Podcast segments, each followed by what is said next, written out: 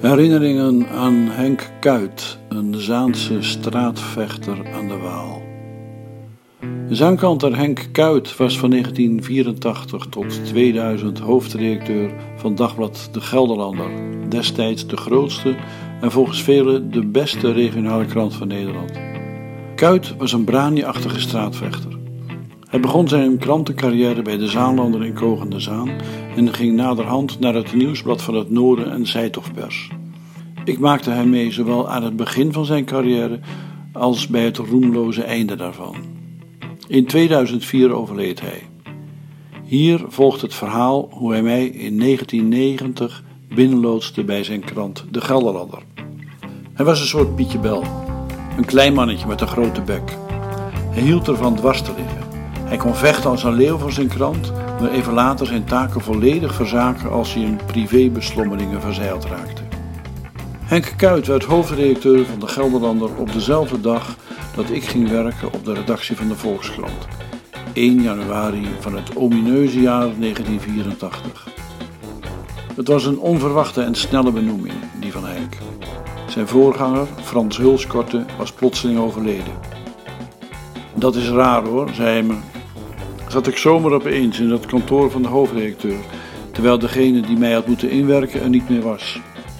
Het was mei 1990. We zaten met z'n drieën te lunchen in een restaurant Wijmpje aan de Waalkade in Nijmegen om mijn sollicitatie feestelijk af te ronden. Henk Kuit, zijn adjunct hoofdredacteur Bert Ummelen en ik. Ik ging voor Henk werken als chef binnen-buitenland.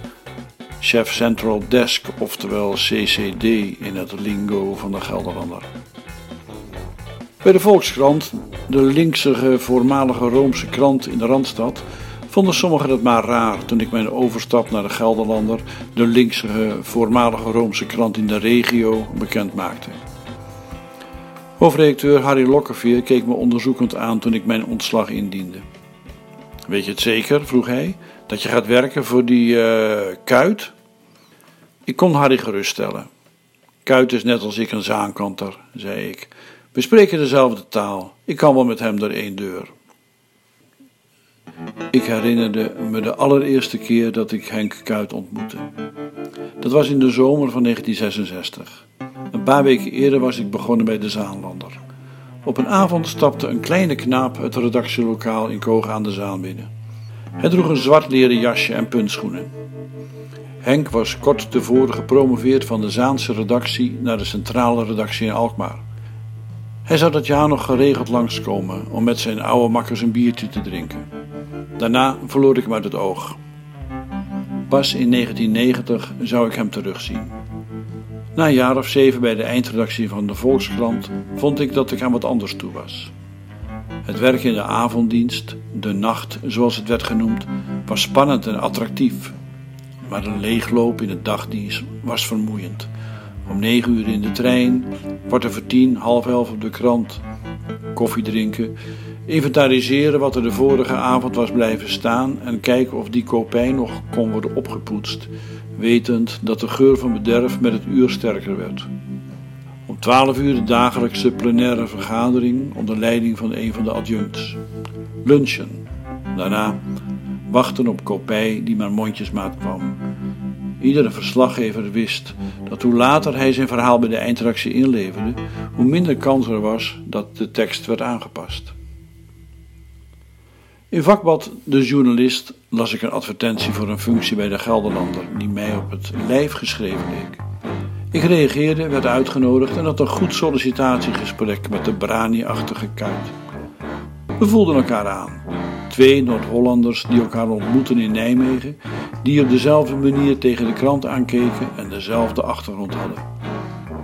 Ik was er ook heel erg verbaasd toen ik een week na dat gesprek een afwijzende brief kreeg. Woedend scheurde ik hem tot snippers. Maar nog veel verbaasder dan over die afwijzing was ik een paar weken later toen ik op de redactie van de Volkskrant een belletje kreeg van niemand minder dan Henk Kuit. Het was een buitengewoon curieus telefoontje en ging als volgt. Ja, hallo, met Henk Kuit hier. Hé, hey, hoe is het, jongen? Heb je er al over nagedacht? Hm? Hoe bedoel je, een brief? Wat voor brief? Ik weet van geen brief. Hm? Jongen, ik heb hier vier getuigen om me heen en die kunnen verklaren dat ik hier met een rode kop van schaamte zit. Hoe kan dit? Jij hebt een afwijzende brief gekregen? Jongen, jij staat nummer 1 op onze lijst. Dit moet een verschrikkelijke blunder van personeelszaken zijn.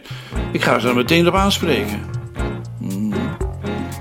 Nee, natuurlijk, het is heel raar. Ik heb nog nooit zoiets meegemaakt. Ik snap er geen fluit van. Welke datum staat er op die brief?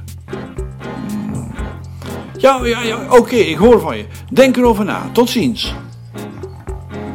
Verwonderd legde ik de telefoon op de haak en keek uit over de Wieboudstraat en naar de krantengebouwen van Trouw en het Parool aan de overkant. Ik voelde me zeer thuis in dit stukje Amsterdam, waar ik het gevoel had in de eredivisie van de journalistiek te spelen. Maar Kuit had me opnieuw aan het twijfelen gebracht. Hij had bij mij de juiste snaar getroffen toen hij zei: Ik denk dat het goed voor je is. Eh, goed voor ons. Kuit kon je inspireren en motiveren. Het gevoel geven dat je ertoe deed, dat zijn krant ertoe deed. Hij wist precies wat hij wilde met de Gelderlander. Hij had maling aan de reputaties van landelijke dagbladen. Zijn Gelderlander was net zo goed. De beste regionale krant van Nederland. En het eerste katern met binnen- en buitenland, cultuur en economie moest dezelfde kwaliteit hebben als het regionale katern. Hij was een doener. Hij vertelde me trots hoe hij samen met de drukkers met loodzware rondstypen had gesjouwd bij de drukpers toen er problemen waren in de pershal. Een week na het belletje van Henk zat ik weer in Nijmegen. De sollicitatie was nu zeer snel afgerond en werd beklonken met een lunch in Wijmpje. Het was mooi weer en de Waal stroomde zo ongeveer door de achtertuin. Nijmegen beviel me nu al. Dat het telefoongesprek één grote leugen was geweest, wist ik nog niet. De periode Kuit bij de Gelderlander duurde 16 jaar.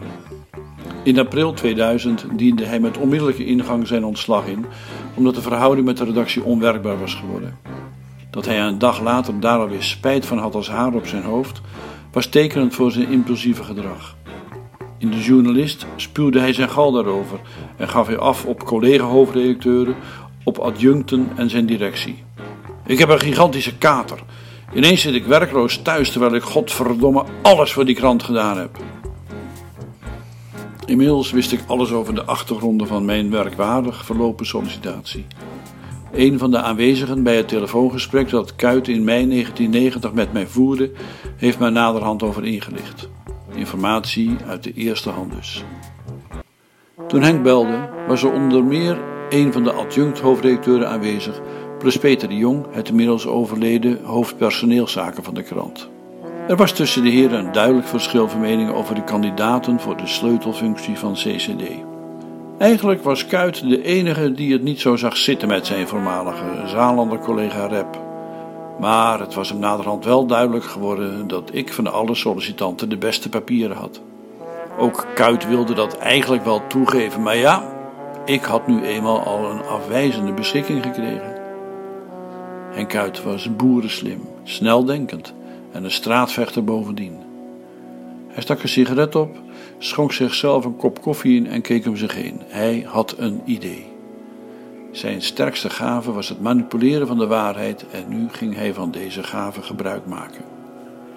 Als we hem echt willen hebben, zei hij langzaam, dan zeggen we toch gewoon dat het een vergissing was. Het hoofdpersoneelzaken ging rechtop zitten. Enthousiast vulde hij aan. En als ik de schuld op me neem, dat staat minder raar dan wanneer de hoofdredacteur erop moet terugkomen. Het plan was zo brutaal dat het geniaal leek. De hoofdredacteur greep naar de telefoon. Ik ga gelijk bellen. Wat is het telefoonnummer? Ja, hallo, met Henk Uit hier. Hé, hey, hoe is het, jongen? Heb je er al over nagedacht?